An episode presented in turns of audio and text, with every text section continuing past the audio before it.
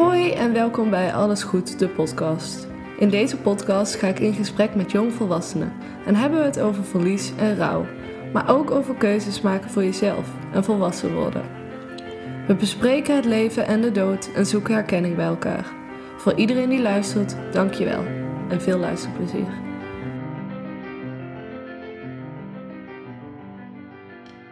Hoe kennen wij elkaar? Ja, hoe kennen wij elkaar? Ehm, mijn vader was overleden en ehm, ja, ik weet niet, toen was ik daar al heel erg mee bezig natuurlijk. Mhm. En toen hoorde ik dat er nog een papa was overleden. En dat was jouw papa. En eh, je woont natuurlijk heel dicht bij mij. Dus toen, ik weet niet, elke keer als ik hier doorheen fietste door deze straat of door, met de auto doorheen Mhm. reed, ja, dacht ik altijd aan jullie als gezin en wat jullie door moesten maken. Omdat ik net een halfjaartje eerder mijn vader was verloren. Dus Ja. ik kon me goed voorstellen van waar jullie op dat moment zaten Ja. qua rouw. En ehm, ja, niet dat dat een bepaald tijd is van dat je dan Mhm. extra... Nee, ik snap wat je goed, bedoelt. Ja. ja, een beetje bepaalde dingen die dan heel erg terugkomen. Het eh, regelen van een begrafenis. En ehm, ja, dat je gewoon dan op het begin gewoon nog zo in een bepaalde bubbel zit of zo. Mhm. Van Ja. een hele andere wereld van waar je dan in beland bent. En dat kon me gewoon. Ik had, zat er zelf dus ook nog best wel in, maar ik kon me dus ook goed, zo goed voorstellen dat jullie daarin zaten. Ik voelde me daarin al heel erg verbonden. Ja. En ehm, ik zat zelf al bij een rouwgroep, maar die rouwgroep was voor eh, oudere mensen. Ja. Ja. En ehm, dat vond ik heel fijn, want ik hoorde daar heel veel dingen die ik herkende van mijn moeder. eh, die zij zelf ook al. Maar ik, kon, ik herkende mezelf niet heel veel in de verhalen ehm, van de mensen met mijn eigen gevoel, met mijn eigen verhalen. Omdat het allemaal verhalen waren over eh, mensen die ehm, hun partner waren verloren. En Ja. ik was niet mijn partner verloren, ik was mijn vader verloren. Dus ehm, toen eh, heb ik gevraagd aan de mensen die dat organiseerden of ze niet iets voor jongeren konden doen. Want er is zo weinig. ja, er is heel weinig voor jongeren. Ja, voor omdat het. En daar hadden, we- hadden we het ook al over van ja, het is niet normaal eigenlijk als jongeren om iemand te verliezen, behalve opa's en oma's. Dat is de natuurlijke de gang van zaken, ja. Ja. Maar niet, eh, En, en Ja. daarom, je vindt, er, je vindt er zo weinig over. Ja. Want, ja, nu ga ik weer even naar iets anders. Maar toen ik net papa was verloren, toen ja, kwam ik dus een hele andere wereld terecht. Een wereld waarvan ik dacht, wat, wat is dit? Alles, alles verandert. ja. En ik merkte dat ik toen heel erg op zoek was naar een bepaalde zekerheid. Van, mm, wat, hoe ziet zo'n wereld eruit? Wat komt er allemaal bij Ja. kijken? En het enige wat ik vond, elk rouwproces is, is anders. En ik dacht, ja, flikker op met je elk rouwproces is anders. Dat, dat is gewoon niet waar. Bepaalde Ja. dingen komen, komen terug. Ja. komen gewoon altijd terug. En eh, er waren dan wel heel veel boeken, maar voor mij als jonger persoon is het dan weer best wel een drempel om naar de bieb te gaan, om dan te gaan vragen, ja, hebt u misschien een rouwboek voor jongeren? dus, en op internet kon ik daar ook niet echt iets voor vinden, dus daarom vind ik het ook zo mooi wat jij nu doet, om... Ja, ja, ik hoop dat, ja, inderdaad, dat is een beetje het doel. Om eh, onze leeftijd, is wat is dat, begin twintig, Ja, eh, ja, een soort leidraad van herkenning, hopelijk. En ja, heel, elk rouwproces is anders, maar er zijn ook wel heel veel dingen waar je het over eens bent, ja, eh, die, Die- gewoon terugkomen. die terugkomen, Ja. ja, precies. En, en dat, heb, dat heb je gewoon, of dat had ik in ieder geval, had ik heel erg nodig Ja. toen. Ik had gewoon bepaalde knooppunten nodig om Ja. aan vast te houden. Nee, goed, dus heel even weer terug. Ehm, toen ehm, heb ik dus aan mijn eh, begeleiders gevraagd of ze niet iets voor jongeren konden organiseren. Toen zeiden ze ja, is helemaal goed, maar dan moeten we natuurlijk ook leden werven Ja. daarvoor. ja. En toen dacht ik, eh, ja, dacht ik meteen aan jou. Ja. En eh, zo ben jij bij de rouwgroep gekomen en zo kennen wij elkaar. Ja, ja. ja, en vanuit mijn kant was het heel bijzonder, omdat ehm, jij had een gemeenschappelijke buurvrouw slash vriendin op ons afgestuurd. ehm, die dus kwam vragen of we daarbij wilden. En mijn eerste natuurlijke reactie was, dag het van ze never nooit niet. Omdat ik gewoon heel erg een, een, een, eh, een gesloten persoon ben en echt er niet aan moest denken dat ik erover moest praten. Mm. En toen ja, heb ik het erover nagedacht en toen dacht ik, ja, dat is eigenlijk wel een heel goed idee. juist omdat ik er zo mo- moeite mee heb. Dus het was eigenlijk heel fijn dat jij aan ons dacht. En toen heb ik wel gekozen om het wel te doen en mijn zus niet. Ehm, waar ik achteraf ook wel blij mee ben, want ik denk dat ik minder open was geweest als zij erbij was geweest. Mhm. Ehm, Hoezo denk je dat? ja, dat weet ik niet, omdat ik het dus, ik vind het heel dus moeilijk om erover te praten, zeker met mensen die heel dichtbij staan, omdat die, Mhm. eh, ja, omdat die ook hun eigen verdriet hebben, denk ik. En dan vind ik het moeilijk om hun verdriet daar ook mee te dealen. Denk ik, zoiets denk ik. En je neemt dan ook zelf wel ruimte in. Ja. Ja, ik herken dat wel heel erg. Want ik had toen die eerste rouwgroep best ook met Ja. mijn moeder. En toen vertelde ik ook niet alles. Dat is bij die jongere rouwgroep is dat heel anders. Omdat ehm, je ziet ook het verdriet van je moeder. Of in jouw geval misschien Ja. van je zus. En daar wil je ook ruimte voor geven. En anders... Precies, ja. Ja, dus ik snap je daar wel. Ja, dus, dus ja.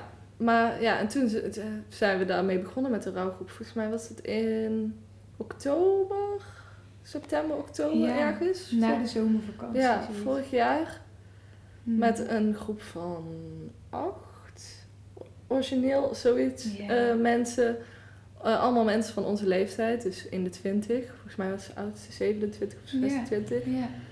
En de jongste 17, dus het was toch nog best een grote span. Maar ik had wel het gevoel dat iedereen daar wel iets uithaalde. Ja, ik ook. Ik ook. En ik vond het juist wel heel mooi dat ongeacht de leeftijd er dus wel weer een heel groot stuk van erkenning te zien was. Ja. En, eh, en was het dan voor jou, ehm, had je, want je benoemde van, ja, in het begin had ik zoiets van never nooit. Ehm, en wat was dan, wanneer kwam dat omslagpunt bij jou dan? Ja, omdat ik, ik was gewoon heel erg bang dat ik door mijn manier van ermee omgaan helemaal in, alsnog in een soort zwart gat zou komen en het zou dichtklappen totaal, ook voor leuke emoties. En dat ik een soort afgevlakt zou raken. Mhm. Dus toen, eigenlijk kwam de rouwgroep tegelijk met eh, naar de psycholoog gaan. Mhm. En toen dacht ik, ja, als ik het ene doe, kan ik net zo goed het andere doen. ik kan nu toch mee bezig gaan. Gewoon het hele abonnement neem ik.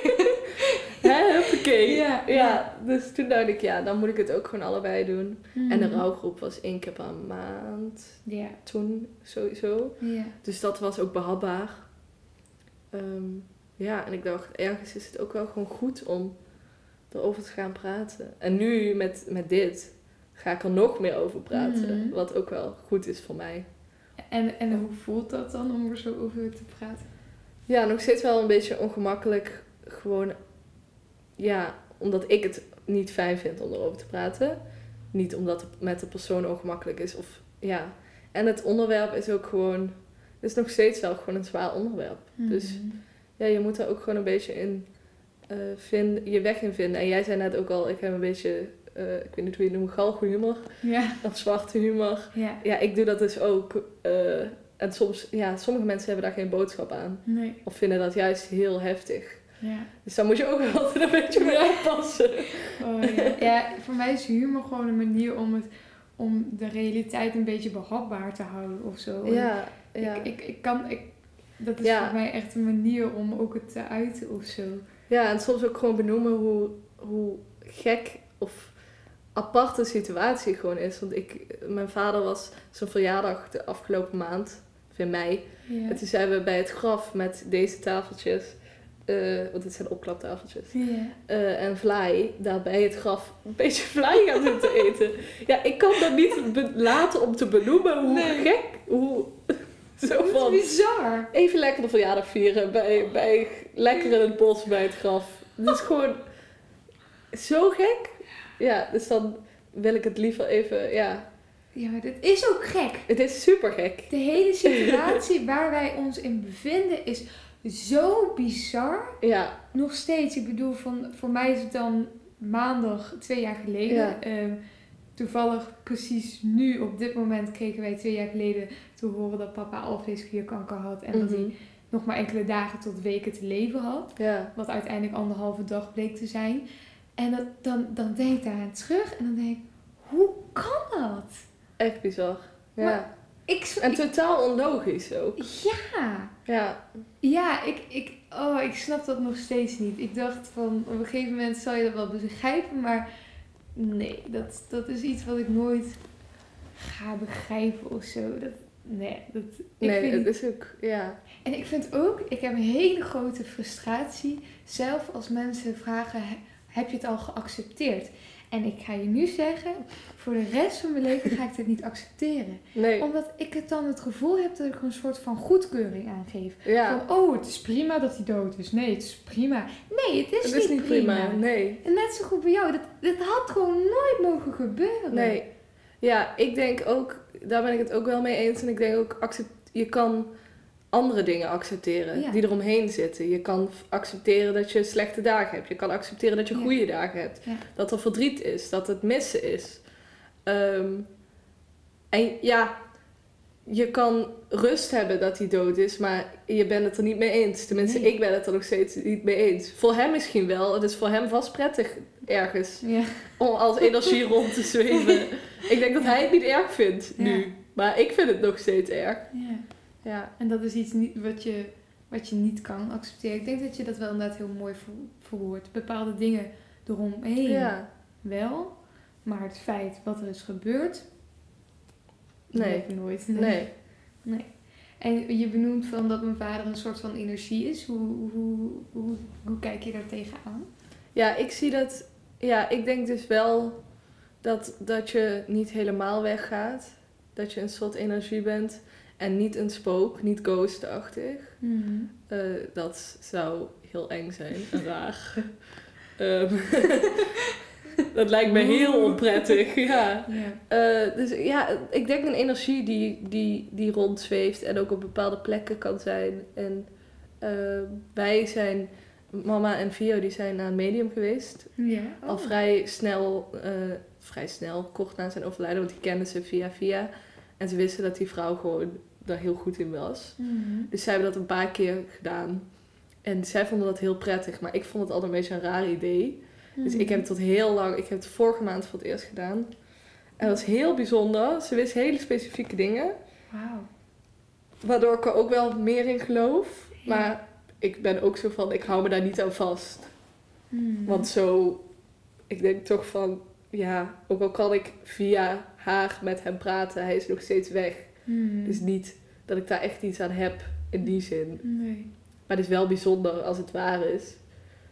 Eh, wat zij allemaal, dat zij dat contact gewoon met, met dode mensen kan hebben. Ja. Oh, Ja. bizar, hè? Ja, En, en eh, hoe, hoe... Wil je vertellen over hoe zoiets... in ja zijn je gaat gewoon eh, een hele aardige mevrouw en dan komt gewoon bij haar thuis. Mhm. En dan neem je een foto mee en dan voelt zij dingen bij die foto, denk ik. Ja, ik weet niet precies hoe zij het voelt. Mhm. Ehm, en dan gaat zij gewoon vertellen en specifieke, specifieke dingen vertellen. eh, zodat jij weet dat hij er is. Eh, ik denk, ja, dat een beetje. Zo- zo- Ja, ik had een trui van hem aan, toevallig, op dat moment. En dat wist ze. Oh. Vind ik wel bijzonder. En ze wist eh, dat Cas lang is. Langer dan papa ook. Oh, daar- vriend. ja, mijn vriend, ja. Dus dat is, ja, dat had ze ook niet hoeven te weten. Nee. Ehm, en dat ik altijd rondjes door het park loop, wat ook waar is, altijd om water heen. En voor alles, en ze wist ook dat we recent waren verhuisd. Maar ja, kijk, je kan alles ook wel weer op een bepaalde manier ontkrachten of verklaren. Of... Maar ik denk, als je daarheen gaat, moet je haar ook wel een kans geven. Ja. En ja, ook niet proberen alles weg te verklaren. Nee. Ja, en in die zin is het ook alweer een soort van... ehm, ja, kan het dan ook weer zoiets zijn van... Een, een, een eh, verklaring van... Hij, hij is er dus toch nog op een bepaalde Ja. manier. En jij ziet het dan als een energie. En voor haar is dat misschien Ja, ik, iets ja. anders. Maar dat hij, hij, is er, hij is er wel nog op een Ja. bepaalde manier. Ja, en zij zei ook van, ja, hij weet dat hij bij jou niet mag spoken. Want dat zeg ik dus heel vaak in mijn hoofd. Want ik vind dat zo'n eng idee dat er dan een lamp gaat knipperen. Of je ziet iets. Of dat is echt mijn nachtmerrie. Dat vind ik gewoon super eng. Dus ik zeg inderdaad heel vaak, beter kom je niet spoken. Want dat vind ik gewoon eng. Mhm. En zij zei ook, ja, dat zeg je dus vaak tegen hem. Dat vind ik dan heel bijzonder dat zij dat dan weet. Wauw. Terwijl Ja. heel veel mensen, mama bijvoorbeeld, die vindt het helemaal niet eng. Die heeft zoiets, hij mag wel wat vaker met lampen knipperen. Terwijl ik denk, nou, beter niet. Oh ja, wat grappig. Nou, ik, ik vind het wel heel mooi. Ik, ehm, ik ben zelf nog nooit naar een medium geweest, maar... ehm, Ja, ja, hoe, ik- zie je, hoe zie jij het voor je? De Ja, of hoe je het dan ook wil doen. Ik zie precies hetzelfde als jij, als een energie. Ehm, ik geloof daar heel erg sterk in. En dat is eigenlijk gekomen omdat toen papa dood was, toen konden we dus naar hem gaan kijken. En ik kwam binnen en ik zag hem liggen. Maar ik zag hem eigenlijk ook weer niet liggen, omdat ik dacht... Ik was een soort van opgelucht. Zo van, oh, wat fijn, dat is niet mijn vader. Want Ja. het was gewoon niet, voor mij was dat gewoon echt niet mijn vader die daar lag. Het was gewoon een man, maar Ja, ik had ook niks met het, de- het dode lichaam. nee. Ik wilde lijk zeggen, maar ik zal het even netjes houden. Nu heb ik het toch gezegd. ja, Met dat ik, lijk. ik had daar helemaal niks ik mee helemaal lijk. niks mee. Nee, Nee. ja, echt totaal, ehm, totaal gedistantieerd. Ja, En ook, wij hebben, ik weet niet of jullie, hebben jullie begraven of gecremeerd? gecremeerd. Ja, want dat, mijn vader wilde zelf gewoon graag begraven worden, dus dat Ja. hebben we gewoon inge, ingewilligd. Ja. Ehm, maar ik heb niks met het idee dat hij, dat zijn omhulsel daar ligt. Nee. Ik heb niet ook niet, het is een prachtige plek, het is een, een natuurbegraafplaats. Maar ja, echt dat ik iets met die plek heb. Voor mij had hij net zo goed gecremeerd kunnen worden. Hmm. Want ja, zo erg, dat hoesje. Ja. Ja, Het is inderdaad, het is gewoon een machine. Maar het, het lichaam is een machine, maar de hele visie daarachter en de, het gewoon het, ja, ik weet niet, de ziel. Ik geloof daar ja dus de wel ziel, in. ja, De ziel is gewoon, Is al uit, is al weg. Ja. Ja. En Ja. Dat, dat luchtte mij een soort van op. Ik zei van, van oh, dan, dan is hij er wel nog op een bepaalde manier, maar heel anders dan, dan ja, dan... Dan hoe die levend is, ja. Ja. Ja. Ja, het is wel zo. Ja, nee, maar dus dat vind ik, ik vind dat wel heel mooi. Maar het was ook heel gekkig toen ik afscheid van hem ging nemen. Toen, volgens mij, een van mijn laatste woorden naar hem toe was... Ik zie je over 69 jaar of zo. Omdat ik heel Wat graag... specifiek. Ja, ik wil heel graag 88 worden, want 8 is mijn lievelingsgetal. Dus nou, hè, ik had het even uitgerekend voor hem. Ik zo, ja, zie ik je over 69 jaar. En ik, ik weet dat ik niet naar de hemel uiteindelijk ga. Dat kan natuurlijk ook, maar daar geloof ik niet in. Ja. Ik geloof niet dat ik naar de hemel ga en daar een kopje koffie ga drinken Nee, met hem. nee, de eerste keer dat ik hem zie, van Ja. hé, we moeten even bijkletsen. Ja. Maar ik geloof, ik geloof er wel in dat we een soort van weer samen komen Ja. als energie. Daar, geloof- ik geloof daarin. ja, dat denk ik ook wel. En ook dat medium zei ook dat hij nu samen met mijn opa en oma was. En dat hij het fijne had en zo. Dan denk ik, nou ja, dan vind ik het ook minder eng. Ja, precies. Zelf. Nou, ik vond het zelf sowieso nooit een eng idee om zelf dood te gaan. Want ja, ik denk dat je dat niet merkt. Ehm, maar ja, de mensen om me heen wel. Ja. en, en wie dan? Of, of, ja. ja, Cas voornamelijk. Want mama die is heel stellig. Die vindt, die denkt dat ze heel oud wordt. Mhm. En op een of andere manier geloof ik dat daardoor. Mhm. Dus dan denk ik, oh ja, die sterft gewoon als het tijd is en op een goed moment Ja. waarschijnlijk. Ja.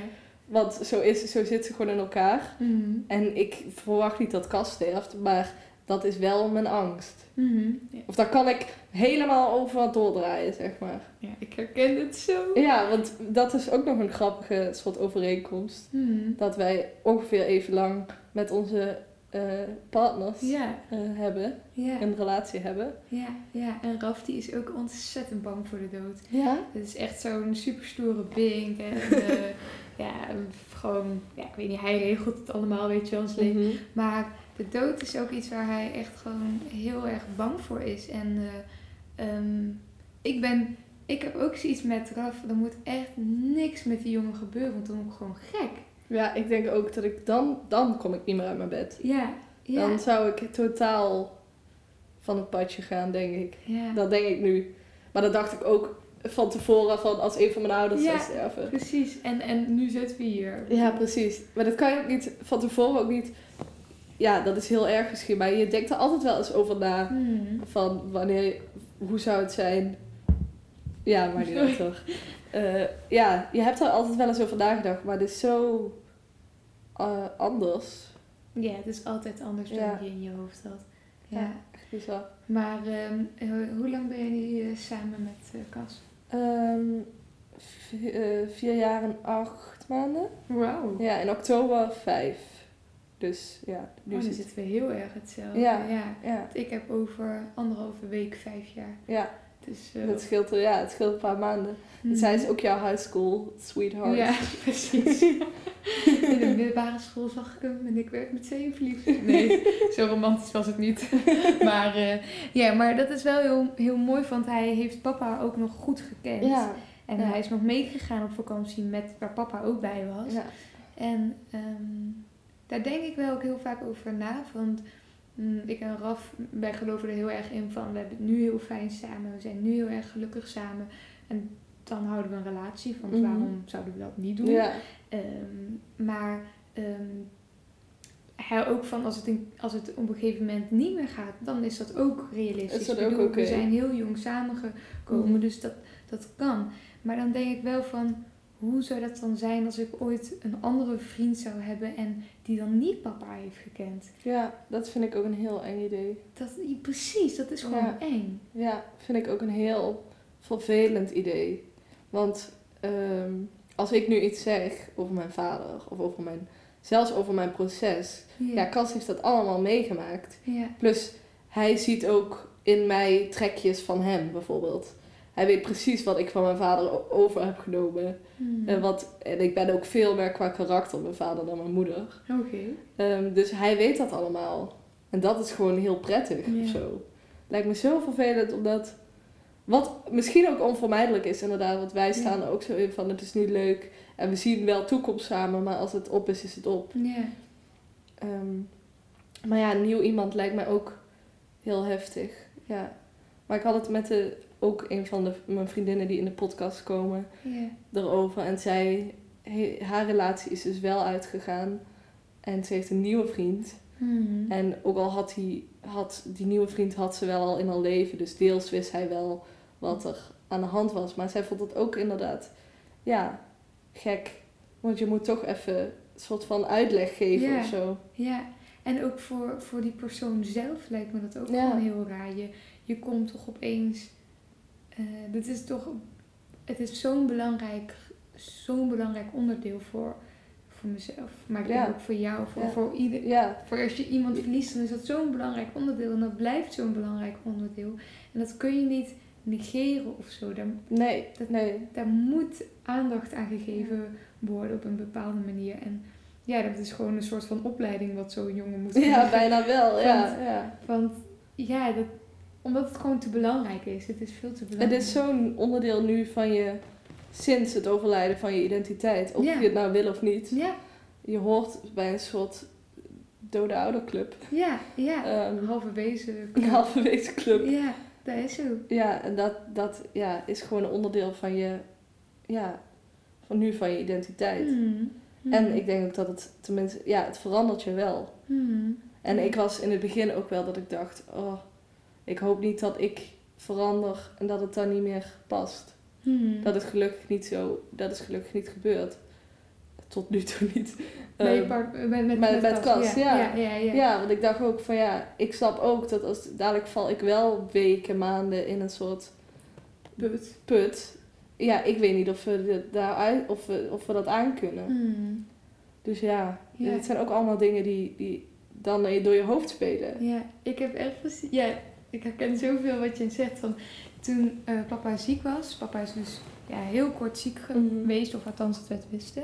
Ehm, toen hebben wij... Toen heb ik ook echt zo vaak tegen Raf gezegd... Raf, als je het wil uitmaken, dan mag dat hoor. Dan mag dat. Het is echt... Je mag, je mag het gewoon uitmaken. Gewoon omdat ik niet wilde dat hij bij mij bleef. Omdat ik nou eenmaal heel zielig was of zo. Ik wilde, snap je? Ik, en ik was me er ook heel erg van bewust van... Oké, mijn verdriet neemt zo'n grote ehm, ja, rol nu in onze Ja. rela- ook plek in onze relatie. Want ik praat met Raf zo vaak over papa. En Mm. Ehm, ja, het is gewoon een heel erg belangrijk onderdeel ook daarvan. En ik had zoiets van, ja, maar er moet ook genoeg ruimte zijn voor hem. Want het Ja. is een, het ja, is een het is, het relatie. is een ja, two-way street, zeg maar. Precies, en ik weet nog dat ik daar heel erg bang voor was dat Raf bij mij bleef, omdat hij zoiets had Ja, van... omdat hij niet weg kon gaan vanwege, ja. Ja, de- hoe, hoe, maar ik, ik kan me ook voorstellen dat je dat dan niet, niet zou durven of zo. Van, ja, je gaat niet bij iemand weg die net een ouder is verloren. Ja. Maar het, het is ook belangrijk voor hem. En er moet ook aandacht voor hem zijn. En daar ja. ja, was ik me toen ook heel bewust van. Maar ehm, ja, dat is gewoon iets heel lastigs wat daar dan ook bij komt kijken. Ja, ik vond dat ook, ja, ik was ook bang dat, ja, dat, dat, dat ik dan totaal daarmee bezig zou zijn en dan hem helemaal, ja, zou verliezen daarin of zo. En wij hadden ook origineel het plan om eh, tijdelijk uit elkaar te gaan.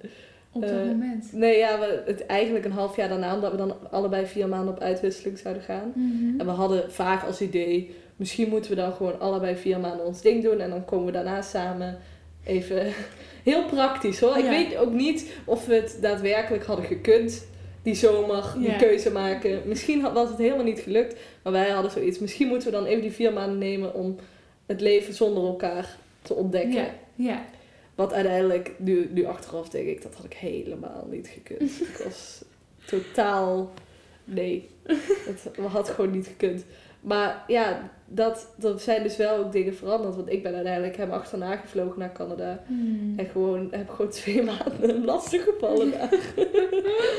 Wat heerlijk. Ja, dat was echt heel fijn. Ja, Ja. maar ik bedoel, ik, ik snap je daar wel heel goed in. Het is ook, want je wilt gewoon op zo'n moment naar zo'n verlies, wil je gewoon bij de harde kern zijn. Ja, En ja, ehm, dan, dan hoort Cas in bij jouw geval gewoon Ja. bij de harde kern. En ja. dat is het vertrouwde gevoel. En ik herken dat ook van, weet je, die onzekere wereld waar je opeens terecht komt, waar je al alles een Mhm, soort van ja. opnieuw moet ontdekken. Alles, weet je, van hoe is het avondeten zonder dat papa erbij is? Want Ja. ik woonde nog gewoon thuis. ja. Eh, hoe is het eh, om te wandelen zonder papa? Hoe is het om thuis te komen van school en Mhm. dat papa er niet is? Niet dat papa altijd thuis was of kwam, maar snap je van dat soort dingen? Je bent alles opnieuw aan het ontdekken en dan is het gewoon heel fijn als er op bepaalde punten zijn waar je dan, die dan wel vertrouwd blijven. Ja. Dan Ja.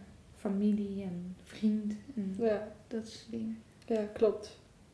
Ja, en nu, ja, jij bent nu ook weer een, een ja, paar jaar verder. Of ja, ik anderhalf jaar, jij dan twee, Twee jaar. Ja. Ja. Dat je ja, nu weer in een nieuwe soort fase zit. Nu is het een soort steady onderdeel van je leven. Maar ik vind het ook heel eh, lastig met nieuwe mensen.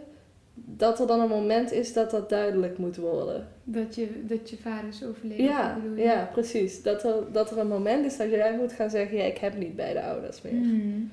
Ja, en, en hoe pak je dat soort dingen dan Ja, op dit moment zeg ik het nog niet duidelijk. Hmm. Dus dan is het gewoon mijn moeders huis of mijn moeders auto.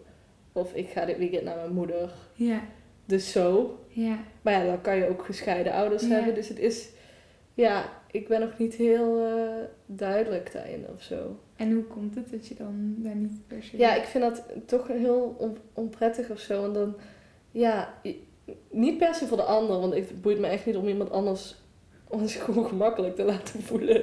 Dat is jouw probleem. Dat is Daar zit ik niet mee. Ehm, maar ja, ik maak mezelf dan, ja, ik weet niet.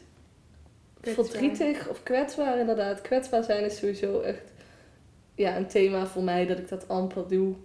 Hmm. Ehm, dus ja, dat, dat zou nog wel een, een ding zijn waar ik beter in zou kunnen worden. Om, ja, om kwetsbaar te durven zijn. Ja. Maar ja, ja, het is sowieso moeilijk. Want ik heb ook vriendinnen die mijn vader voor het eerst hebben gezien op zijn uitvaart. Omdat ik die dan in Amsterdam Ja. heb ontmoet. Daar goede vrienden ben met ze geworden. En dan heel lief dat ze wel naar de uitvaart kwamen. Maar die hebben toen voor, hem, voor het eerst hem gezien. Dat is Ja. ook zo'n apart idee. Ja, Ja. dat had ik ook met, met, eh, eh, met vriendinnetjes uit Eindhoven die dan, eh, die dan opeens, ja, die dan wel waren. Ja. En dan, nou, pap, dit is dit, dus... Ja. En nou, het is een heel, hele rare eerste en laatste ja. ontmoeting dan ook. Maar dat kwetsbaar stellen, want ehm, dat is ook gewoon, dat is ook gewoon zo lastig. Ja. En omdat er, dit is zo'n, eh rouwen is zoiets, zoiets pijnlijks. Het kan zelfs fysiek pijn doen. Mhm. En ehm, daarin is gewoon echt belangrijk dat daar gewoon zorgvuldig mee omgegaan wordt. Ja. En als dat niet wordt gedaan, dan kan dat gewoon heel veel pijn Ja. eh, opnemen. Ja, ik heb ook maar echt een x aantal personen waar ik me kwetsbaar bij opstel. En Mhm. de rest, ehm, de rest niet. Ja, Nee. het is heel. ja, heel moeilijk. En ik voel ook wel dat sommige mensen het wel zouden willen, maar ik, pff, ik kan het gewoon dan niet zelf in gang zetten, zeg maar. En soms, ik, dit, dit heb ik, sorry voor de podcast mensen, luisteraars, als er herhaling is, daar kan ik niks aan doen, want dan wil ik het jou ook vertellen. Maar ik was een keer op een feestje en toen ehm, ze, ze vroeg iemand iets over mijn tattoo en ik kende die jongen wel al langer. Dus op Mhm. zich, die wist wel van het overlijden. Hmm. Ehm, maar die had die tattoo nog nooit gezien. En dat was zo'n mooi moment, want hij was, vroeg precies het goede, ik weet niet meer wat precies. Mhm. Op het juiste moment, we zaten rustig, het was helemaal... Weet je wel, en toen klikte even alles. En toen kon ik me even vijf minuten openstellen, zeg maar. Dus het is heel eh, ja, gek dat soms het wel gebeurt. Ja, maar ik denk dat dat ook echt te maken heeft met mensen die je begrijpen. Ja. Ik heb een keer gehad, ehm, ik ging dan nu stage lopen. En ehm, ik had daar een, eh, supervisor voor. Ja. En dat was een mevrouw waarvan ik het vanaf het eerste moment al geen goed gevoel bij had. Mhm. Eh, dat kan ook heel erg door mezelf komen, maar gewoon ik, er was gewoon geen connectie tussen ons twee. ja.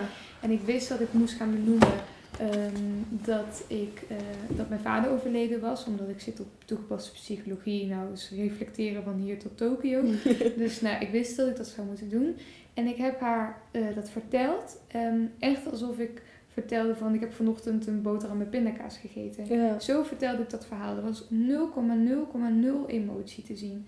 Vervolgens, nou, stage, bla bla bla. Daar had ik ook een stagebegeleider. Daar had ik meteen een heel goed gevoel bij. Mhm. En op een gegeven moment, precies wat jij zegt, kwam er ook zo'n...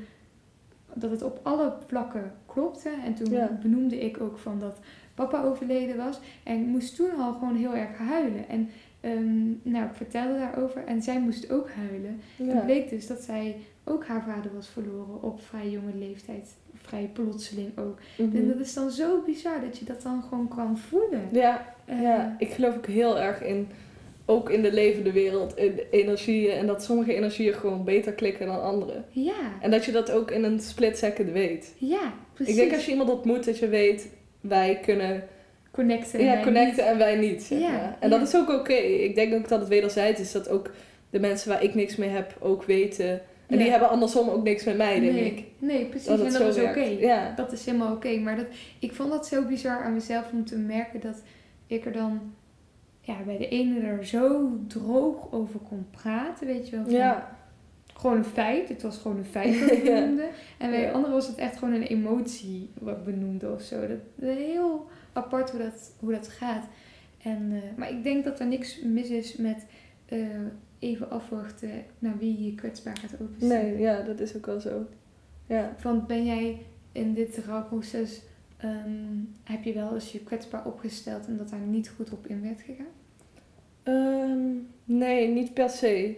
Maar ik heb het ook zo weinig opgezocht dat het ook amper fout had kunnen gaan. Hmm. Of fout, hè, met aanhalingstekens. Ik snap het. Ehm, want ja, eh, mm, de keren dat het gebeurde was het of met Cas en verder bij de psycholoog. Maar dat vind ik een hele andere categorie. Want daar ga je er echt, daar kom je om je kwetsbaar op te stellen. ja, En dat probeer ik wel bij haar echt heel erg te doen. Dus dat vind ik een andere, zeg maar, dat is niet in de echte wereld. Nee.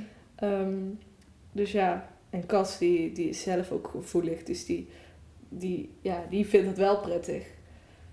Ehm, Maar die vinden het wel prettig, denk je, dan dat sommige mensen het niet prettig zouden vinden als je je daar kwetsbaar zou opstellen. ja, misschien wel. Maar dat, dat, ik geef ze niet de kans om te reageren. Nee. Dus dat, ja, dat is ook wel, wat, dat is heel erg wat bij mij ligt. En wat bij anderen ligt, is dat ze misschien soms meer hun best kunnen doen om door mij heen te prikken. Ja. Maar ja, ik zie ook wel in dat ik heel erg een hele dikke muur voor me heb staan. Die wel waar je wel een bel voor nodig hebt om er doorheen te komen, zeg maar. Hmm. Dus het is van twee kanten wel ingewikkeld, denk ik. Maar, maar hoe komt het dan dat je zo'n zo'n muur hebt opgetrokken? Dat vroeg, eh vroeg ze gisteren ook. Ja, dat weet ik dus niet. In de rouwgroep. Oh. eh, had ik het daar ook over. Van ja, ik vind het nog steeds lastig om me kwetsbaar op te stellen. Ehm, ja, dat heeft eigenlijk totaal niet een oorzaak die ik heel... Bijvoorbeeld, mama die kon gewoon huilen die heeft nooit gek gedaan over huilen. Papa ook niet per se. Mhm. Was niet per se de hele huilenbalk, maar was niet, eh, niet dat hij het voor geheim ging houden of Nee. zo. En mama ook niet. Nee. En ja, dus het is heel... Ik weet niet, dat het zit gewoon een soort van een beetje in mijn karakter. Dat ik dat...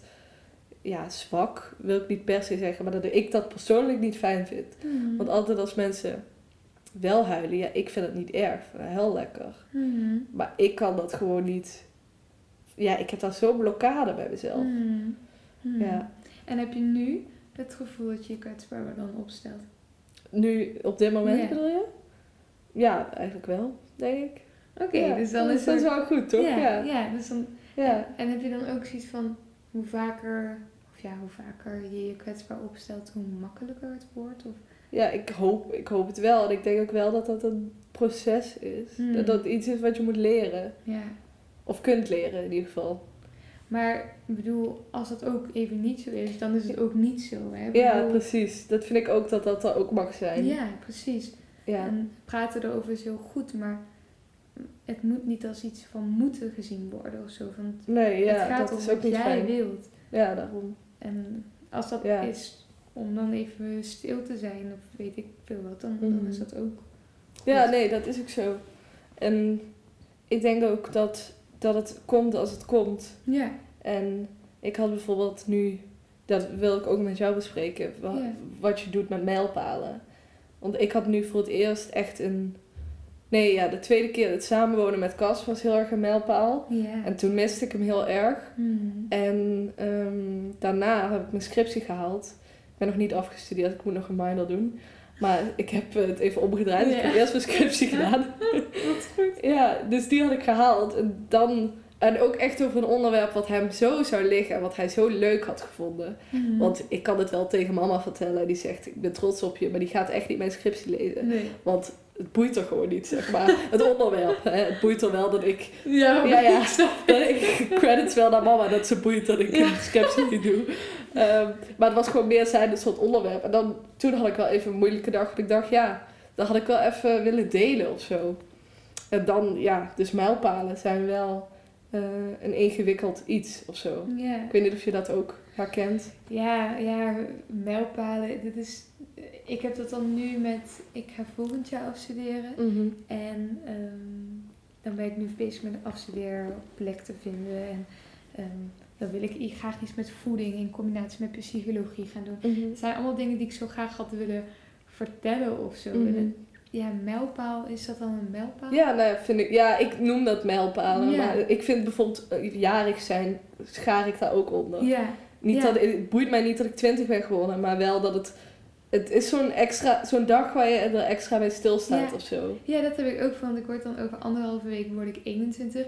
En ik weet niet, dan is het toch gewoon, dat is toch iets Ja, of zo. toch een soort dag. Ja, dat- en 21, nou dan ben je echt volwassen. En bla bla bla. En ehm, dan, ja, weet je, ik wilde heel graag een 21 diner gaan geven. Ja. En dan is het ook gebruikelijk dat dan mijn ouders speechen. Ja, Nu was mijn vader totaal geen prater en had ik, had ik hem echt in de meest verschrikkelijke positie geplaatst. Als ik had gevraagd van wil je dat doen, maar het is gewoon, dat vind ik dan wel heel erg moeilijk. En ik, ik heb wel een heel goed voorbeeld nu, nu bedenk ik. Ehm, met, ehm, ik wil op kamers gaan. Ik ga, ik, dat, daar heb ik heel lang over gedaan om dat te doen. Want ik wilde dat heel graag doen. En toen ging papa dood. En toen had ik Mhm. zoiets van, even niet. Oh, hey, ik Ja. eh, blijf lekker bij mama en Joep.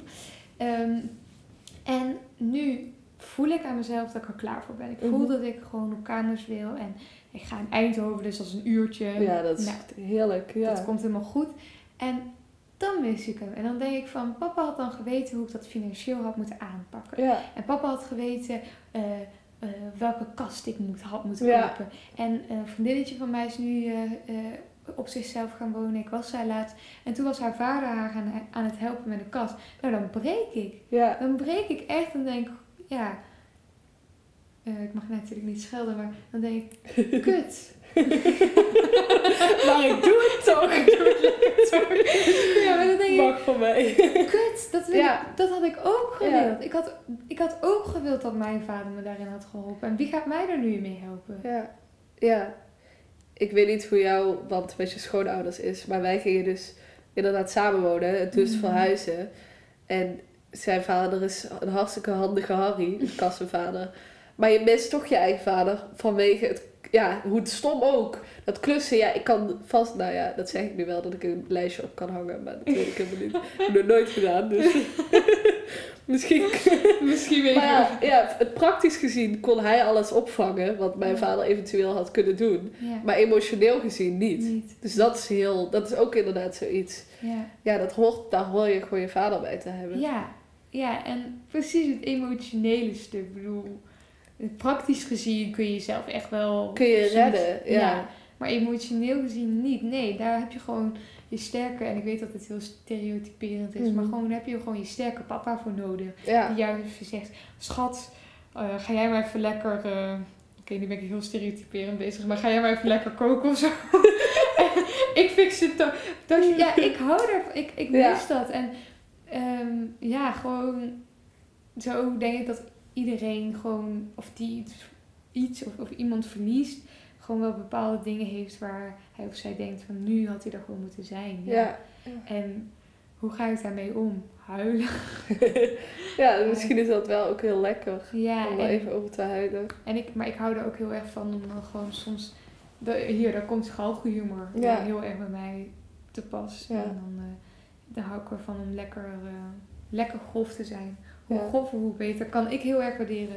Want Ja. ik denk, dit is zo'n grove wereld dat zij het hebben geflikt om mijn vader eh, nu al dood te laten gaan. Jullie Ja. kunnen me wat. Ik kan ook grof zijn. Weet je, het is echt zo'n... ja, Zo ik, voelt dat. Ja. ik zei ook, ik vertelde iemand dat ik deze podcast ging maken. En toen zei ik, ja, en dan ga ik met allemaal mensen praten die ook dooien, dooien in hun omgeving hebben. En toen was die vriendin bij mij zo van... Sjoek, even, dooien, dat kan je echt niet zeggen. Oh, maar ik vind dat zo heerlijk. Ja, Ja, maar het is zo. Ja, Het is zo, ze zijn dood. Dus waarom ja waarom niet, het- niet benoemen, hè? Nee. Dat vind ik ook. Het, het, het beestje niet bij zijn naam noemen? Ja, ja het beestje bij zijn naam noemen. Ja. Yep. Ja. Ja, maar ik, ik... En ik hou er gewoon van om dingen... Precies wat je eigenlijk in het begin ook zei... Te benoemen zoals ze zijn. Ja. Nou, dan ga je taart eten voor je verjaardag van je vader bij een begrafenisplaats. Is- klopt natuurlijk. Dat had je jaren geleden. Dat, is, dat had je nooit kunnen bedenken. Het is Nee. zo'n raar plaatje.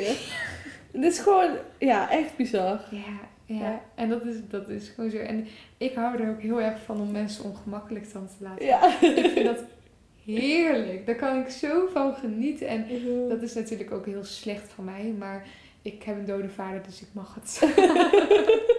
maar Ja. ik heb wel eens tijds gehad dat ik echt een beetje te ver ging.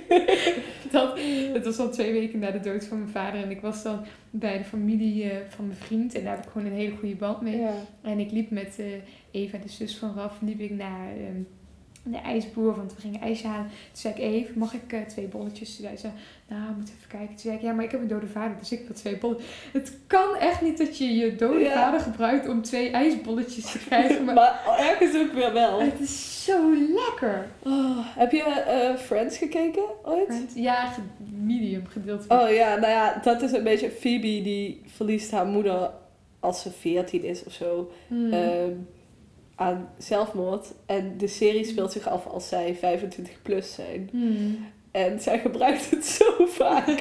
en het is gewoon heel erg grappig. Het is heel erg, maar het is ook gewoon ontzettend grappig dat zij heel vaak erin gooit van... Maar mijn moeder killed herself, Ja.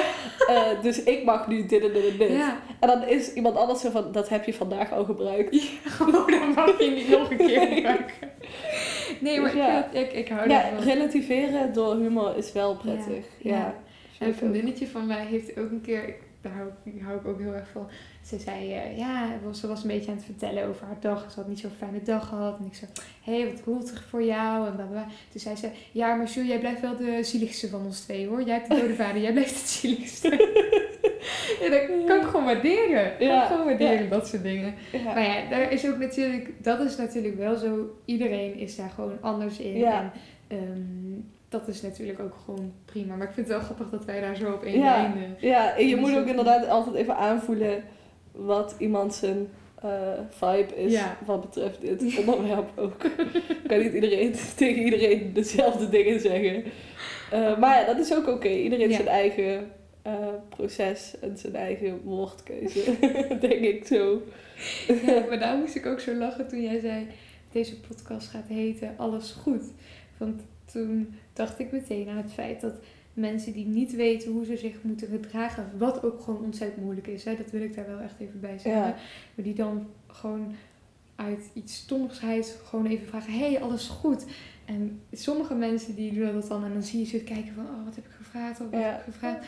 Maar ik heb dus ook een keer zo'n mevrouw gehad en die ja, wist dat papa dood was. Ja. En het was gewoon zo'n stomme vraag van ik ga het lekker negeren, want ik weet niet hoe ik ermee om moet gaan. En toen eh, zei ze, hey, alles goed? Toen zei ik, ja hoor, mijn papa is net dood. Hoe gaat het met jou? En die zag haar echt kijken van, Oh. oh. En toen dacht ik, oh, daar heb ik zo van genoten. Ja, hè? snap ik wel. Snap ik wel. Voor de mensen Ja. die nu denken dat ik echt een evil bitch ben. Dat soms, soms Soms. wel, ja. Dat mag. ja, ja, ja, ik vond het ook... Ik dacht, alles goed. Het is eigenlijk zo'n kutvraag. Het is echt een kutvraag. En zelfs, zeg maar, ook mensen die met andersoortige problemen... Of ja, ik wil de dood niet per se een probleem noemen. maar het is soms in het leven wel een probleem. Ehm, maar ja, het is gewoon een vervelende vraag. Want eigenlijk is nooit echt alles 100% Nee. goed. Behalve op een... Ja, het kan per seconde wel goed zijn. Maar Ja. ja, Maar alles gaat nooit... alles is nooit helemaal goed. Ja. Nee, en dat is ook niet een bepaalde perfectie waar we naar zouden moeten streven. Nee, nee, Nee, dat is ook onmogelijk. Ja, precies. En dan inderdaad wat je ook zegt van ook heel veel mensen die met depressiviteit kampen of met ander soort problematiek, dan denk ik ook, ja, als je aan hun gaat vragen, alles goed, dan kun je gewoon niet maken. Nee, Natuurlijk precies. gaat niet alles goed. Nee. Nee, nee. Ja, wij waren gisteren ook zo van... Misschien moet je er gewoon van maken van hoe is het? Mhm. En dan het ook menen. Ja. Want ik denk dat dat ook de kern is van de vraag. Mhm. Zeg, als je het niet meent, zeg dan gewoon mooi weer. Ja. Na hallo. Hallo, het is lekker weer, hè? Ja, Ja. en dan ga je door met je dag. In plaats van hallo, hoe is het? Ja. Want het is niet... eh, ja, Je, je- nee, je kunt niet zo... niet het vragen als je het niet meent. Nee, je Dat- kunt ook niet zo'n vraag stellen die zo'n...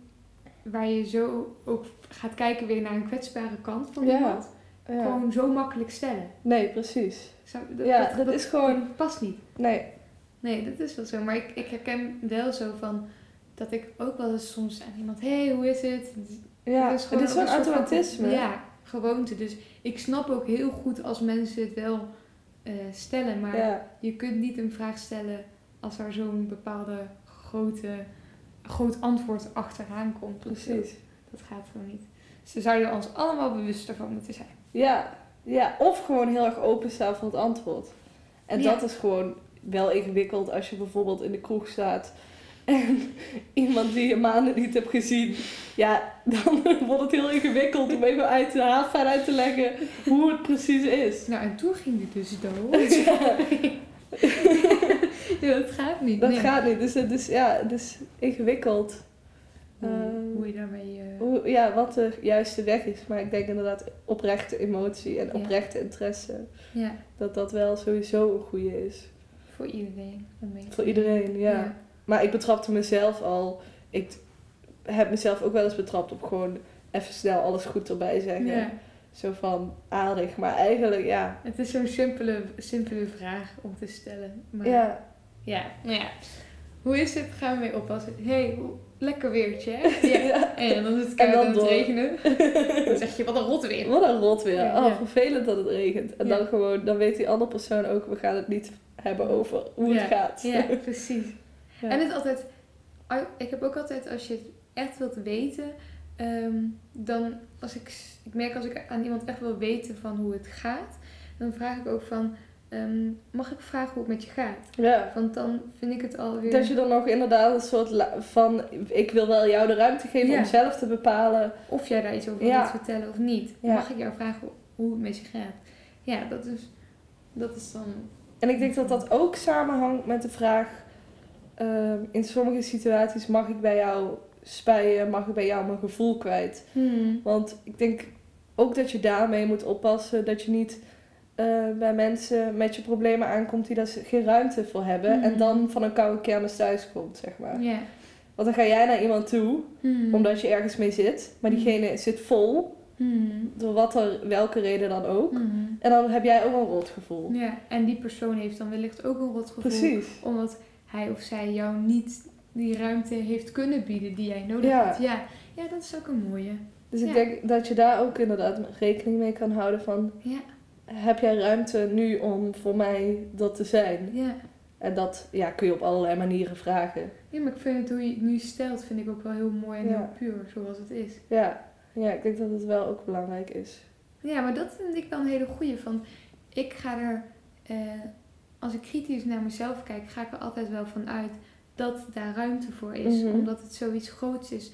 Maar daardoor ben ik ook wel eens daarin teleurgesteld geworden van dat die ruimte er niet was. Terwijl Ja, wat je zegt is heel erg kloppend. En ehm, ja, ja, dus dat is wel een goeie. Dat is wel iets waar ik dan inderdaad aan kan werken. Van, heb je nu ruimte om Ja. voor mij te zijn? Om dat gewoon even te checken voor iemand. ja en ik, ja, ik denk ook dat je dan ook meteen een soort baseline hebt gelegd van... En nu gaan we de diepte in en nu ga jij er gewoon voor mij zijn. En dat Ja. staat dan een soort van vast. Hmm. En ik denk dat dat heel prettig kan zijn. En ik zeg dit nu wel gewoon zo. Ik heb dit nog nooit aan iemand gevraagd, omdat ik dus dat niet kan. Hmm. Of niet kan, niet wil, niet doe. Hoe je het ook wil noemen. Eh, maar ik denk dat, wel, ja, dat het wel prettig kan zijn. Ja, nou, ik, het is wel een goeie om mee te nemen. Ik vind het een, een, een goeie. Het heeft me wel tot een bepaald inzicht. eh. Ja, en ik denk ook in onze leeftijd. ehm, ja, ja, we, ik word ook 21 deze zomer. Eh, dus we zijn ook nog gewoon even oud.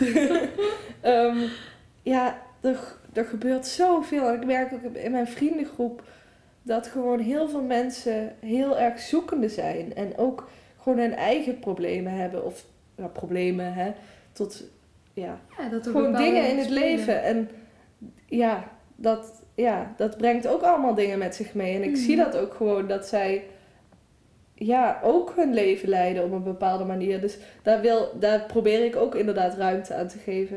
En vooral heel erg in het begin, de eerste paar maanden na het overlijden, Mhm. had ik mm, nou nul, misschien wel min 100 empathie voor iedereen. Echt, ik kon gewoon niet meer meevoelen. Ik vond alles triviaal, alles vond ik pff, onnodig zorgen Ja. maken, onnodig. Ja. Ja, en dat is gelukkig bijgetrokken dat ik nu wel weer denk van alle problemen zijn evenveel. Ja, zeg maar, alles Mhm. mag er zijn en jij mag je voelen hoe jij je wil voelen en dat is oké. Mhm. Maar ik vond het in het begin wel heel moeilijk dat ik er zo onverschillig over was. Ja. Ja, nou, als ik heel eerlijk ben, heb ik dat nog steeds. Ja? Bij mij is er echt een bepaald... Ik heb een stuk emotie erbij gekregen. En dat is dan de rouw-emotie. Mhm. die, die voel ik veel meer. En eh, als jij dan zo vertelt over jouw ervaring of met een rouwgroep... Dan, ja, dan, voel ik, dan kan ik veel meer meevoelen dan ik daarvoor Mhm. ooit had gekund.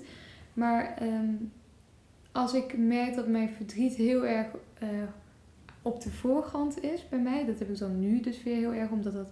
eh, Ja, nu die week, die, die twee weken- weken. ja. ja, weer zijn. Ehm, dan merk ik dat ik gewoon dat ik heel erg onverschillig ben naar andere mans problemen. Mm. Omdat het dan weer heel dicht bij mij komt. Ja. Dan, en ja, ik, ik vind dat zelf heel, heel erg lastig, omdat inderdaad iedereen's probleem ehm, Ja. moet er zijn. En wil ik ook ruimte voor bieden. Maar ik merk bijvoorbeeld nu, deze twee weken, dat ik dat niet kan. Ja. Dat ik echt zoiets heb van, waar heb je het over? Doe Maar ik denk dat normaal. in dat geval dus dan die vraag van vriendinnen naar jou toe, of vrienden, hè, wat, wat het dan ook is, dat inderdaad dat jij dan de ruimte hebt om aan te geven van jongens, ik niet. Nee. En Nee. iedereen, hoop ik, gun ik meerdere goede vrienden. Ja, ja, En dat er wel altijd iemand is die dat even die persoon kan zijn. Ja. ja. En dat er ruimte mag zijn dat jij gewoon mag zeggen, ik niet. Hmm, ja. Dus- Ja, en dat dat niet gemeen is, bot, onverschillig. Dat dat gewoon is, omdat jij gewoon, jouw emmertje is vol. ja, en daar kan gewoon even niks meer bij. Ja. Ja, nu heb ik wel echt het gevoel dat ik dat, dat ik dat ook wel aan kan geven. Maar Mhm. dat is gewoon iets, dat is niet leuk om... Ja, het is niet leuk om het aan te geven. Nee, en het is ook geen leuke kant van jezelf dan. Want dan, ik ben altijd, of ja, ik vind mensen heel erg interessant. Ja, dan doe je ook psychologie, ja. Ik vind dat gewoon, ik wil, ik wil gedrag begrijpen en ehm, ik weet, ik heb juist, ik heb letterlijk geleerd dat er altijd heel veel factoren zijn die invloed Ja. hebben op een bepaald gedrag. Ehm, dus ik wil daar helemaal niet onverschillig naar doen. Maar ik merk dat ik dat nu gewoon... Ik kan het niet. En ik merk dat... Ja, dat, dat ik dan nu in deze twee weken ben ik dan gewoon weer heel erg dichtbij die dood van papa. En Mhm. ik ben letterlijk alles aan het herbeleven. Het hele gevoel, alles komt gewoon terug bij Ja. mij. En dan kijk je weer een soort van de dood in de ogen. Niet dat ik Ja, niet maar je ja. snapt wat ik bedoel. Dan komt het weer heel dichtbij. En dan realiseer je eigenlijk waar het allemaal om gaat in het leven. Namelijk leven en dood. ja, Ja. ja. Dit, dat. En dan is alles wat daarnaast komt kijken, stelt allemaal niks meer voor of zo. ja. En, ehm, maar ik weet ook van mezelf dat bijvoorbeeld na maandag, dat het dan na twee jaar, eh, dat hij dan overleden is, dat ik het dan ook wel weer heel anders kan zien. En dat er dan ook weer, dat, die, dat ik weer wat meer afstand daar naartoe Ja. kan nemen. Maar nu lukt me dat niet. Echt Ja. niet. Ja, ik denk dat dat, ja, dat je jezelf daar in ieder geval niet schuldig over moet voelen. En Ja. ja, dat is heel lastig natuurlijk. Ehm, ja, Maar dat is inderdaad... het, ja, het is zo. Jou, er mag gewoon ruimte zijn. Ik zou het inderdaad echt visualis- visualiseren als die emmer die gewoon vol zit met Mm. water. En dat water is nu jouw verdriet. Hmm. En op andere, na, dan geef je aan van na maandag wordt de emmer he- voor de helft geleegd. Ja, ja. En kan er weer van andere mensen water bij, zeg ja, maar. eigenlijk wel. Ja, mooi, Ja. mooi gezegd. ja, dat klopt. Dus dat is ook wel zo. En hoe, hoe heb jij dat? Want je benoemde dus in het begin dat je dat heel erg had. ja, Ehm, heb je dan nu nog wel eens momenten of zo dat dat terugkomt? Of ja. is dat gewoon echt veel weg? Nee, het is, niet, het is niet weg. Ik had wel inderdaad, als ik dan... Ik had een paar weken geleden een hele slechte week, omdat ik me heel erg... eh, heel erg was geschrokken van het ongeluk in Scheveningen. Eh, Oh, ja. En toen een week daarna stierf ook een eh, middelbare schooldocent ehm, van mijn middelbare school dus. Eh, Ja. En toen had ik dus door die factoren samen, zeg maar, even om het eh, bot te noemen, had ik zo'n heftige week zelf, dat ik gewoon totaal, had ik ook al mijn groepsapps gemute, dat ik het alleen zag als, eh, als ik er behoefte aan had, zeg Ja. maar. Heel goed. En dat helpt wel heel erg. Want ik heb gewoon een vriendinnengroepje die heel erg, wat ik echt heel bijzonder vind, die gewoon een voicebericht op WhatsApp en onze groepsapp sturen als er iets is. Hmm. En dan is er altijd wel iemand die kan reageren. Dus ik weet ook dat als ik niet reageer, dat er altijd wel iemand is die, Hmm, ja. ja, en dat is gewoon, dat kon ik er gewoon niet bij hebben. Dus ik heb toen wel even een week gewoon niet nauwelijks mijn WhatsApp gelezen, omdat ik gewoon, ik had er gewoon even geen energie voor. Nee, nee. Dus ik heb het ook wel inderdaad soms. Wat goed. Ja, En je voelt dan ook wel weer, inderdaad wanneer dat dan wel weer ja dat gaat vanzelf dat je weer wat ruimte hebt eh, voor andere dingen. hmm. Ja. En hoe zie jij social media eigenlijk?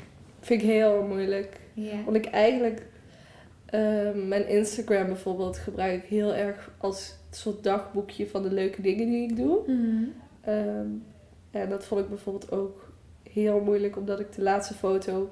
Kijk, wij waren op vakantie Toen papa stierf. Dus ik was vakantiefoto's aan het posten. Hmm. En ik heb twee accounts. Ik heb ook een reisaccount. eh, waar ik dus nog meer ook stories en zo van het, gewoon de reis doe. Eh, dus ik vond het heel lastig om dan de eerste foto weer daarna. Ja, heel stom dat je daar zoveel waarde aan hecht. Maar toch, je gaat over alles nadenken. Dus de eerste foto daarna vond ik heel moeilijk. Maar ik weet even niet uit mijn hoofd wat het was. Eh, maar daar heb ik wel heel lang tegenaan gehikt. Hmm. Eh, maar volgens mij was het een foto dat ik met vriendinnen in de Efteling was. Echt twee maanden later of zo. Ja. Eh, En, en Dus- heb je toen wel... die- ja, toen vond ik, ik denk dat ik toen gewoon weer de ruimte dacht van nu kan ik iets neutraals posten zonder dat het gemeen voelt naar hem toe, zeg maar. Dat ik hem negeer of zo. Hmm. Eh, en ook dat het oprecht heel leuk was en dat ik het wil posten. Ja. Ja. Dat ook, zeg maar. Ja. Dus dat vind ik ook wel. Het moet wel oprecht zijn. En ik heb bijvoorbeeld wel. Ik heb altijd van die, van die wegwerpcameraatjes mee. Hmm. En ik had ook in Zuid-Afrika daar foto's meegemaakt. Die heb ik maanden later pas ontwikkeld. Hmm. Er zaten wel hele leuke foto's bij. Heb ik wel op Instagram gezet. En dan gewoon. Ja, niet met. Oh ja, de laatste fo- foto waar mijn vader op staat. Weet ik veel, zoiets niet. Ja, dit is sorry. Oh, soms ben ik zo bot. Ja, ik snap het. Ik snap Maar ja, met een soort neutrale caption. het. Mm. En Facebook sowieso niet, dat gebruik ik niet heel veel. Nee. Maar Instagram is wel een soort dagboekje voor mij. En ik kijk ook mijn eigen Insta terug, omdat ik het leuk vind om gewoon mijn leven te bekijken. Van, oh ja, ik heb allemaal leuke dingen gedaan. Dus daar gebruik ik het voor. Ik snap, ja, ik snap je zo. En ehm, ik vroeg me dan af, heeft daar dan ook een, een rol in gespeeld wat andere mensen daar dan van dachten? Als jij de foto die jij daarna op Insta zou plaatsen, heb je daar bij Mm, stilgestaan? Ja, meer in van... Als ik dus iets over hem post, dan weten heel veel mensen dat. En dan Mhm. is dat een soort van Insta-official. Mhm. Ja. ja. Wat ook een heel gek gevoel is. Dus dat voelde voor mij niet goed om dat, om dat te doen. En zeker omdat mijn vader een beetje anti-social media was. Ja. En zelf nul accounts had, alleen maar een e-mailaccount. Ehm, dus ja, ik vond het ook niet heel gepast. Omdat, ja... En ik denk ook gewoon dat je moet doen wat je zelf prettig vindt. Want ik heb ook mensen die ik dan ken die iemand zijn verloren. Die, waar ik bij elk jaar wel op de sterfdatum zie ik een foto voorbij komen. Of op de verjaardag. Of en dan denk ik, ja, dit is ook jouw manier. Dat mag jij ook doen. ja. Maar ik, ja, ik voel dat niet zo. Nee. Hoe heb jij dat? Ik heb, het, eh, ik heb het wel in eh, gedaan.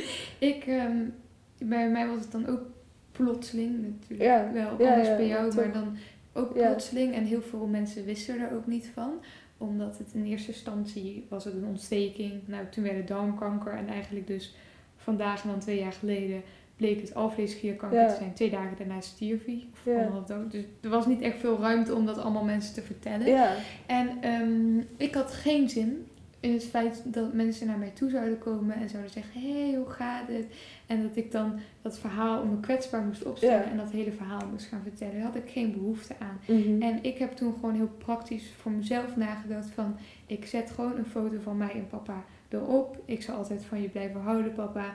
Ehm, en ik weet hoe snel het gaat. Er worden Ja. screenshots van gemaakt, er worden groepsappen gestuurd. ja, Van, wow, kijk, vader van Jules zo. Ja, het klinkt hard, maar zo is het. ja, Ehm, en ehm, dan word ik niet meer lastiggevallen met die vragen. ja, En dus ik heb het gewoon heel egoïstisch op die manier gedaan. En ik ben er wel heel erg. Voor mij voelde dat Mhm. gewoon goed, omdat, ja, omdat ik gewoon geen zin had in die confrontatie met mensen waar ik geen ja, eh, diepe, sterke band mee had of zo. Daar, ja, Nee, kwetsbaar wil ik me gewoon liever bij een paar mensen opstellen en niet ehm, naar de hele wereld toe Ja. of zo. Dus ehm, ja, en, en met bijvoorbeeld met sterfdata en ehm, dat Verjaardag of, verjaardagen doe ik dat niet. Nee, Nee. Dan, eh, dat, dan denk ik van het is iets tussen mij, papa en, En jouw gezin. en jouw Ja. gezin. En ook, dan, dan mag het ook tussen blijven en zo. Maar dit Ja. was gewoon heel praktisch. Ja, snap ik wel, ja. En heb je in de periode daarna veel, zelf veel appjes gekregen? Of berichtjes? Of... Eh, Want dat vond ik, ik vond dat ook heel moeilijk om dat in ontvangst te nemen. En ik heb bijvoorbeeld ook niet alle rouwkaarten gelezen. nee? Nee. Nee, vond ik heel moeilijk. En Wat vond je daar dan lastig aan? Ja, dat maakte het heel echt, denk ik. Mhm. Ja. Ja. En sommige ook dat ik dacht, dit schrijf je nou wel naar mij, maar je hebt mij al twintig jaar niet gezien. Ja. En ik snap dat je, zeg maar, ik vind het dan, dan, dan schrijf ook liever Astrid. Ja. En niet mij erbij. Ja. Want je, ja, ik ben daar dan heel erg pragmatisch in dat ik denk, ja, graag of niet. Ja. Ja, ja, ja. En ook sommige mensen die dan mijn naam verkeerd schreven, ja, daar kan ik heel getriggerd van raken. Zeker omdat je een rouwkaart thuis hebt gekregen. Daar staat het toch echt duidelijk op. ja. Ja. en Ga er zorgvuldig mee om. ga, wees zorgvuldig, inderdaad. Ja, daar, daar ben ik het wel mee eens. Ik merkte aan mezelf dat ik inderdaad ook veel appjes kreeg. En dat ik gewoon bij heel veel mensen met dankjewel reageerde. Of die condoleerden mij dan. Ja, Nou, gewoon dankjewel.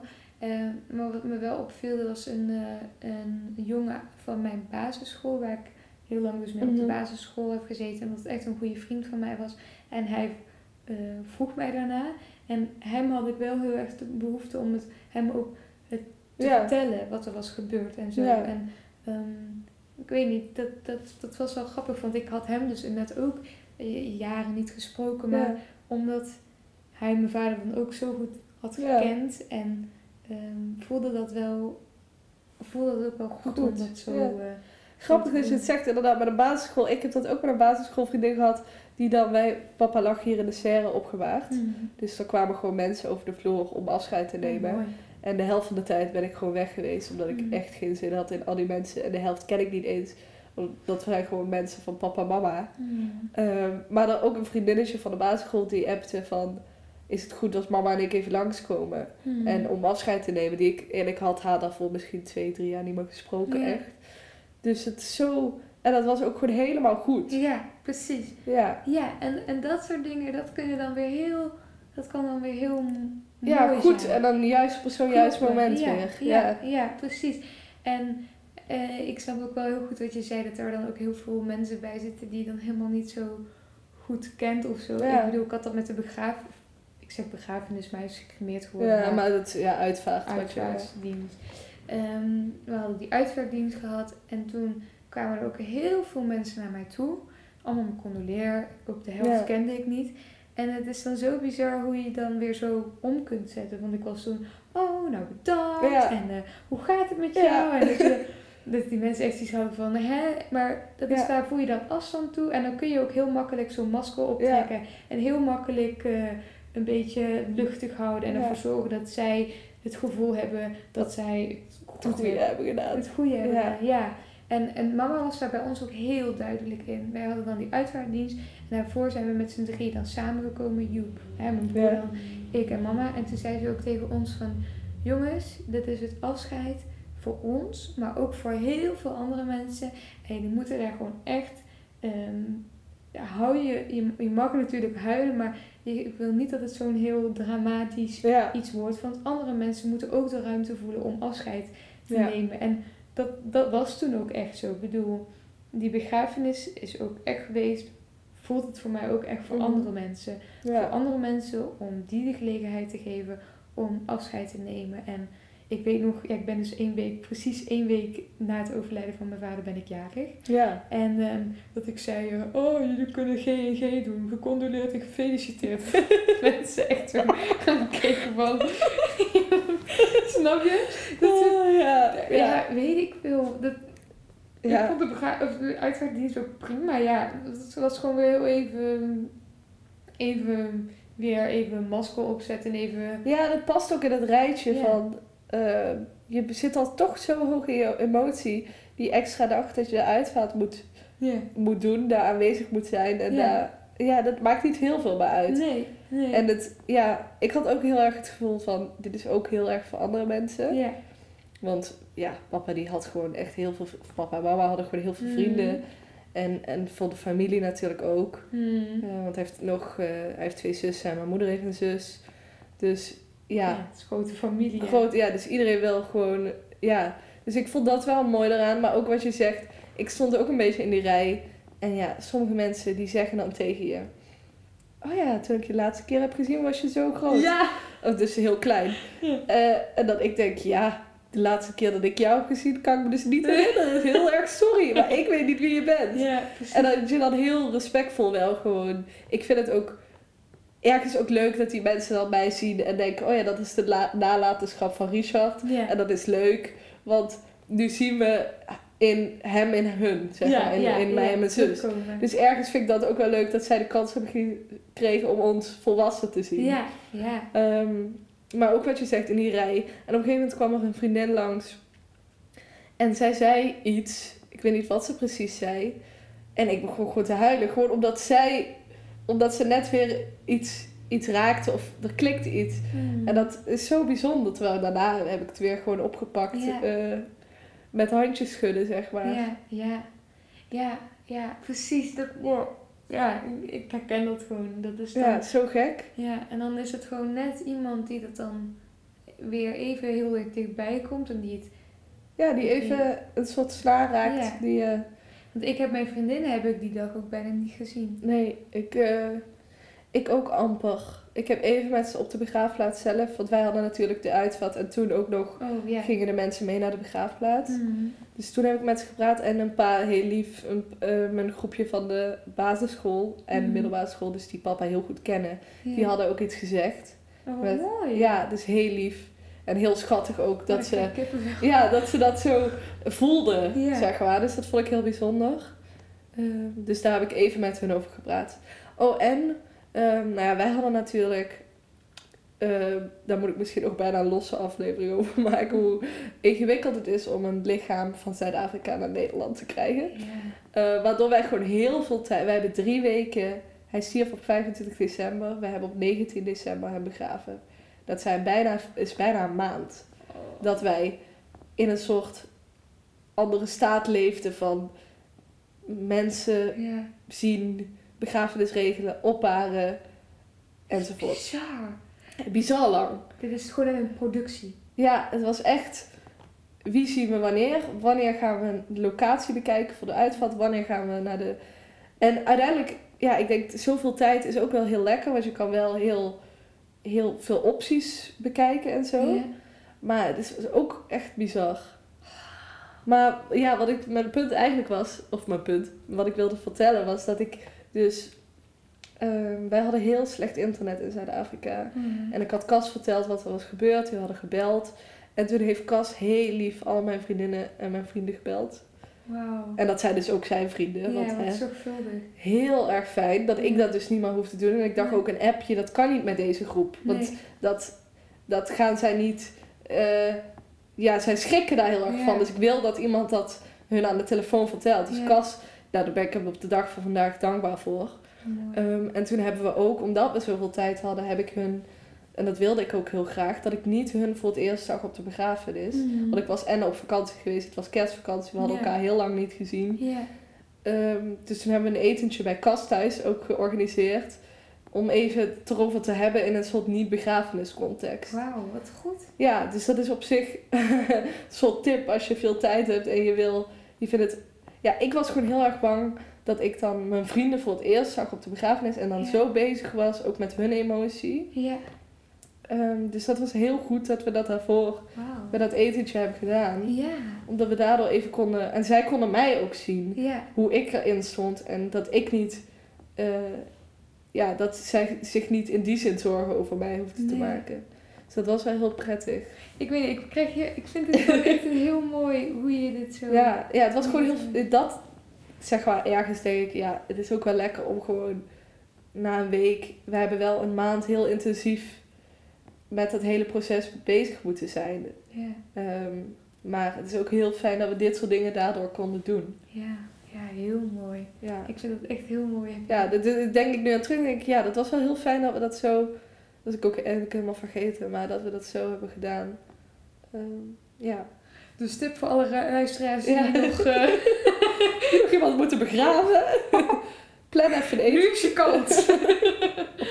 oh, maar ik vind het echt heel erg mooi. Ja, Het is, ja, het lijkt me verschrikkelijk wat je, wat je, ik heb geen, niet echt een goed beeld van hoe dat is gegaan ehm, met, eh, ja, je vader van ehm, Zuid-Afrika. ja. Zuid-Afrika en naar hier halen, daar heb ik geen, geen goed beeld Ja. bij, maar dat, die extra tijd die je dan een soort van hebt, Ja, dat is wel heel, dan kun je het wel heel zorgvuldig aanpakken. precies. Ja. En ook, kijk, hij was daar gestorven, maar hier was nog zijn zussen. Ja, die hebben ook een soort rolberoerte gehad. Dat wij met een, ja, dat hij niet levend terugkwam. Kijk, wij hebben dat daar nog Ja. soort van gezien en, en meegemaakt samen. Dus dat vond ik ook heel fijn voor hun. Dat zij vanaf het moment dat wij landen op Schiphol mee konden helpen. En Hmm. ook in dat proces voor hun, denk ik, dat dat heel fijn is Ja. geweest. Ja, dat weet ik niet precies. Ehm, Maar je wilt iets doen in zo'n ja, ja, en voor hun was het natuurlijk ook machteloos dat wij daar nog... We hebben daar nog vijf dagen... ge- We zijn op 31 december teruggevlogen. Zes dagen nog moeten wachten tot wij zelf terug konden. En maar los Cas en de toenmalige vriend van mijn zus... Die hebben ook zes dagen in een soort hele rare staat hier geleefd. Zonder ons. Ehm, totale rare kerstmis natuurlijk. Oh. Dus eh, ja, dat, dat, nou, de kassen, als je dit hoort, nog eh, bedankt daarvoor. voor het bellen en sowieso voor het zijn. Hmm, Maar ja, dat was wel heel bijzonder. bizar. Ik vind het nog steeds zo'n bizar verhaal. Ja, ja, Het is gewoon, het klinkt zo filmisch. Ja, Het, echt. het klinkt echt, ik heb echt het gevoel van doe eens even normaal. eh, Ja, dat, dat dacht ik ook. ja, maar dat... Ja, ik herinner me ook dat ik op het strand dacht van... Dit gaat sowieso niet gebeuren, want dit is te raar. ja. Echt zoiets van... Hè, dit kan helemaal niet. Nee. Dit oh, dat is- komt wel goed. Want ja, dat komt goed, want dit kan niet. Ja. Dus dat is wel... Ja, maar ik... Wat ik ook leerde toen ik de eerste keer bij de rouwgroep was... Er zijn zoveel verschillende verhalen. En over ziekte, maar ook lange ziekte. En bij jou was het twee weken. Ja. Dat is bizar. ja. Dat is verschrikkelijk. Oh, dat kan ik helemaal. Maar ook maanden is ook verschrikkelijk op een Alles bepaalde is manier. Het is verschrikkelijk. gewoon, zeg maar, en toen, ja, dat, die rouwgroep gaf daar ook perspectief in van. Er zijn zoveel verschillende processen en ook manieren dat iemand dood kan gaan. Ja. Dat het, ja, dat geeft wel een soort eh, ja, perspectief of Ja. zo. Ja. ja, en ik vind ook dat, het, dat je het heel vaak hoort. Dat ik toch, dat jij nu zegt, ja, ik heb twee eh, vriendinnen al geïnterviewd, of mm, Ja. twee vriendinnen al een podcast opgenomen. En ik denk, twee vriendinnen, schat, je bent, je bent twintig. Hoe, hoe kun je Ik, nu eh, twee vriendinnen hebben die dat hebben meegemaakt? Nou ja, dat is ja. verschrikkelijk. Ik ging met, mijn, eh, met de psycholoog even hier over dit idee praten. En toen zei ik, ja, ik heb een lijstje gemaakt met mensen die ik ken, die iemand zijn verloren. En ze zei, een lijstje?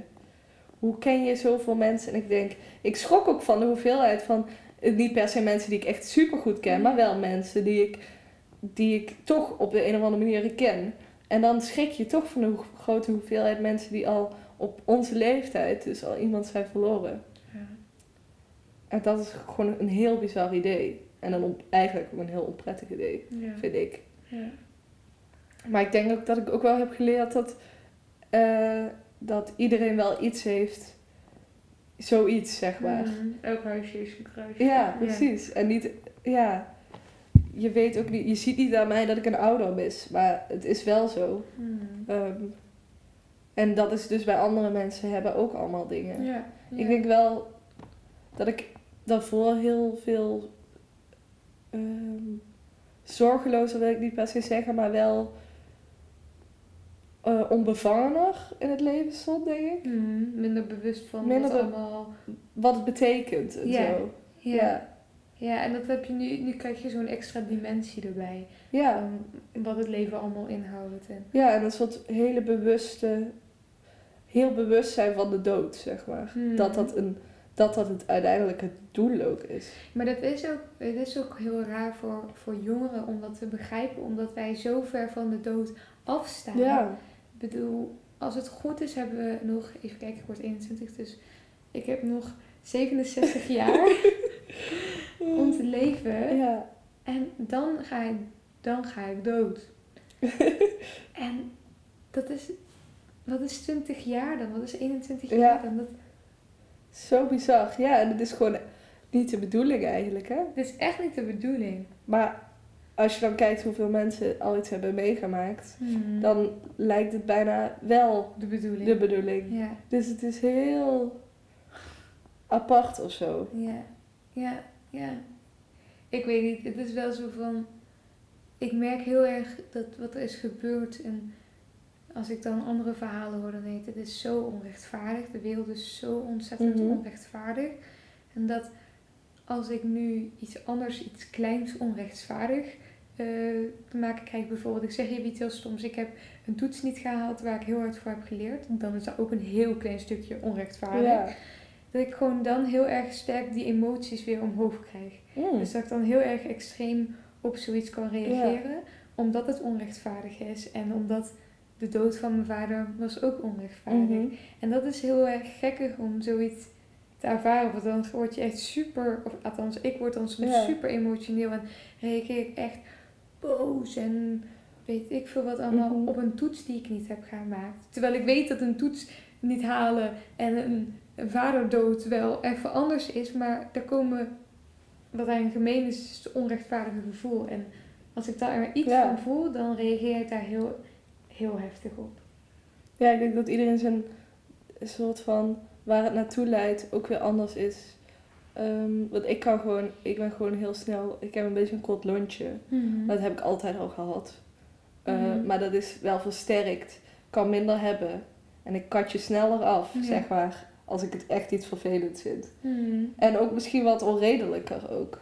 denk ik. Hoe, hoe bedoel je? Ja, dat, dat iemand iets doet en dat ik denk dat ik daar sneller kattig over kan worden. In plaats van dat ik even denk van deze, dezegene bedoel... Dezegene? Deze persoon.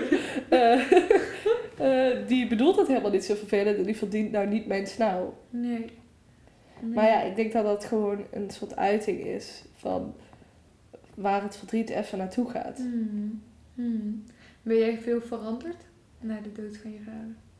Nou ja, ja, dat is het moeilijke. Ik denk het wel, omdat je gewoon opeens je bewust bent van andere dingen. En je moet een beetje opeens bewust van wat de dood betekent. En je Mhm. bent er ook mee bezig. Mhm.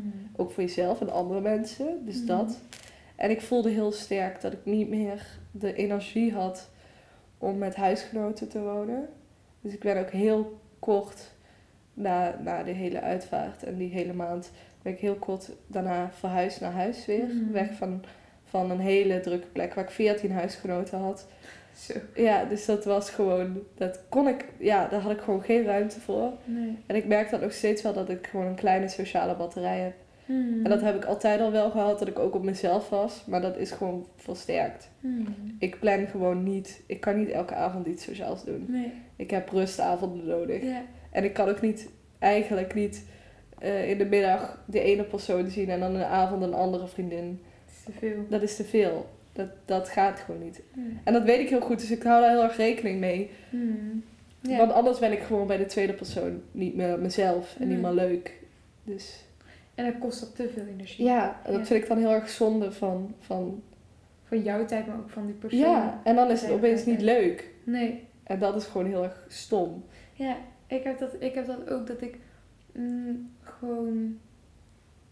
Ik, ik merk dat ik ook gewoon heel veel energie ervan haal, uithaal om lekker met mama op de bank te liggen en thuis te blijven. Ehm, maar vandaar ook mijn vraag net eh, van hoeveel, hoe speelt social media een rol? Ik merk dat ik als ik op de bank zit en ik ben eigenlijk super blij dat ik op de bank zit met mama. En ik heb ook echt wel een sociaal leven, maar Ja. dan even lekker op de bank. En ik zie dan allemaal Snapchats voorbij komen van mensen die lekker aan het terrassen zijn en die lekker aan het feesten zijn. En dan, dan heb ik toch het gevoel van dat ik dan, me dan toch in een bepaalde manier eenzaam voel of zo. Mhm. Want mijn behoefte ligt dus niet op dat moment bij terrassen en Nee. bij feesten. Mijn behoefte ligt op dat moment aan een bank liggen.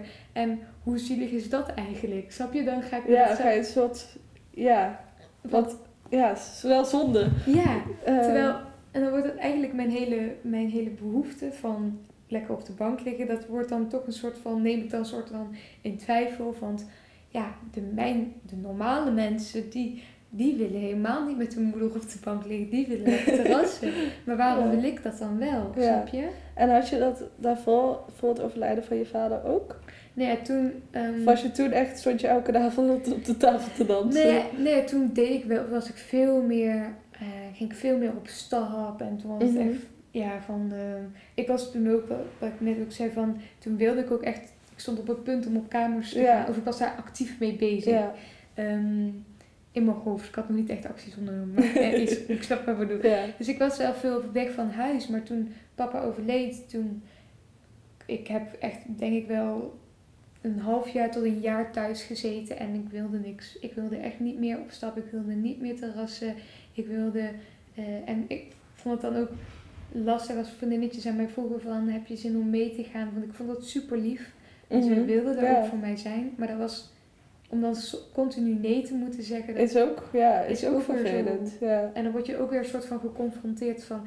Eigenlijk, daarvoor had ik dat wel heel erg Ja. leuk gevonden. Maar nu leef ik in een andere wereld en nu vind ik dat niet meer leuk of Ja. zo.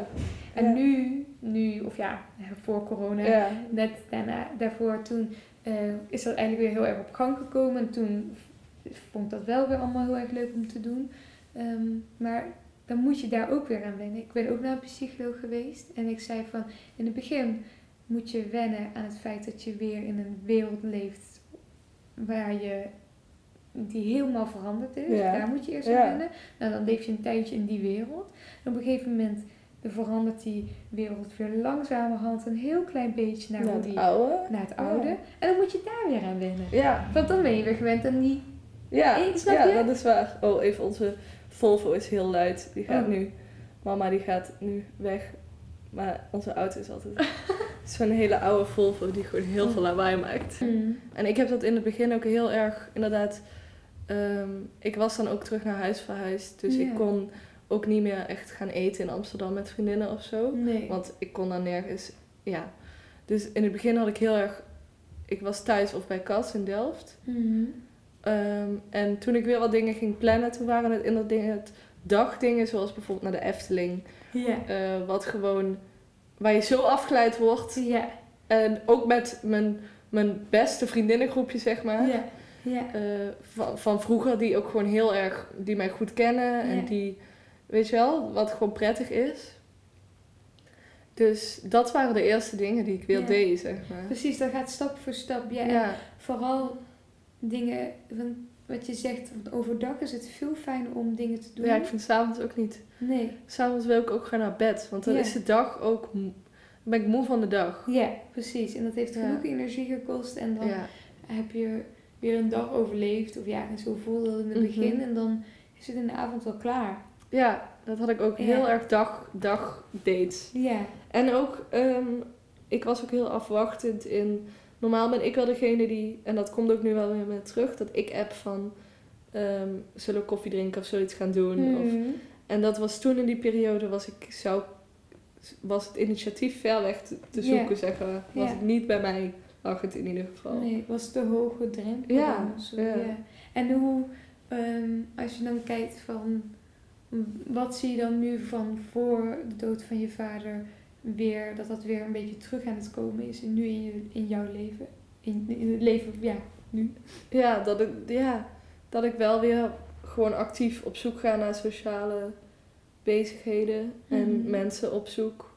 En nou ja, door de corona is het natuurlijk totaal raar geweest. Want ik heb Mhm. gewoon twee maanden met Cas in Delft in ons huisje gezeten. Mhm. Ehm, en bijna niemand gezien. Mhm. En toen, wat daar, wel, wat daar wel goed aan was, is dat ik me wel realiseerde, ik heb dus wel mijn vrienden nodig. Ja. Want nu kan ik ze niet zien en ik mis ze actief. Mhm. En dat is, is wel goed geweest, want daardoor heb ik wel een soort herwaardering voor de mensen om mij heen. Vriendschappen. Ja. ja. Ja, Ja, dat- herken ik ook heel erg. Dat je dan die mensen niet meer ziet en dat je denkt, ja, eigenlijk precies wat je zegt. ja, ja je hebt een soort... Ja, en wij zagen dan wel nog kassenvrienden, die Mhm. ook wel gewoon mijn vrienden zijn. Eh, maar is toch altijd in eerste instantie kassenvrienden. Ja. Ja. Ehm, en dan merk ik toch dat ik daar... Ik vind het leuk als ze er zijn, maar ik tel het niet als... Mijn vrienden zijn nu over de vloer geweest, Nee. snap je? Nee. Dus eh, ik, ja, ik merkte gewoon heel erg dat ik behoefte had aan mijn eigen, Vriendinnen. aan eigen vriendinnen. Ja. Ja. Ja. Dat snap ik. Dus daar is de corona dan wel weer goed voor geweest. En ik denk ook dat dat het laatste stukje was om weer die, die dingen op te pakken. Ja, Ja. ja. mooi. Ja. ja, en in principe denk ik van, oh, was die corona maar, ehm, of ja, niet dat ik wacht, ik wil niet in, Nee, nee ja, we willen inderdaad zeggen, de corona is hartstikke kut. ja. En Maar los daarvan kun je dan persoonlijke dingen Ja, uithalen. Ja, maar precies, ik vind het echt verschrikkelijk wat er gebeurt. Maar wat ik meer wilde zeggen van die coronatijd, van dat je dus niet op het terras kon zitten, niet uit kan, kan gaan. Ja. Dat, dat soort dingen, dat was voor mij heel erg fijn geweest als dat ehm, met, dat, dat Toen, aansluitend, na- ja. aansluitend aan de dood van mijn vader was geweest, omdat eh, je je dan minder eenzaam voelt. Want ik heb me zo vaak eenzaam gevoeld dat ik op de, ja, wat ik dus net Ja. zei, op de bank zat, terwijl eh vriendinnetjes allemaal leuke dingen deden. En ze mij echt wel uitnodigden en wilden dat ik meeging, maar daar lag mijn behoefte niet. Nee. En het was fijn geweest als zo'n situatie zoals die er nu is, eh, even afgezien van, Van ja, alle verschrikkelijke ja. dingen die er gebeuren, ehm, dat die er dan was geweest of zo. Want dan voelde je je daar minder eenzaam, want dan zit iedereen in, In hetzelfde schuitje. Ja. Ja, Ja. maar alsnog leidt het me, dat wil ik ook van daar, daar bedenk ik me ook heel vaak over van hoe verschrikkelijk was het geweest als papa nu overleden was. Ja, Eh. dan had je niet de uitvaart die je... Ja, dat vind ik een... Dat prijs ik mezelf gelukkig, zeg maar. Dat wij zo'n grote, mooie uitvaart hebben kunnen Precies. organiseren.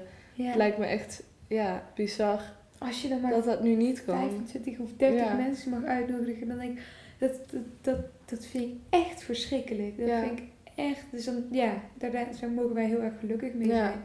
En dat, eh, ehm, dat, dat, dat ook mensen over de vloer konden komen en je Ja. konden vasthouden. En samen, inderdaad. Ja. Het, ja, Maar dat fysieke contact, je wilt ook niet...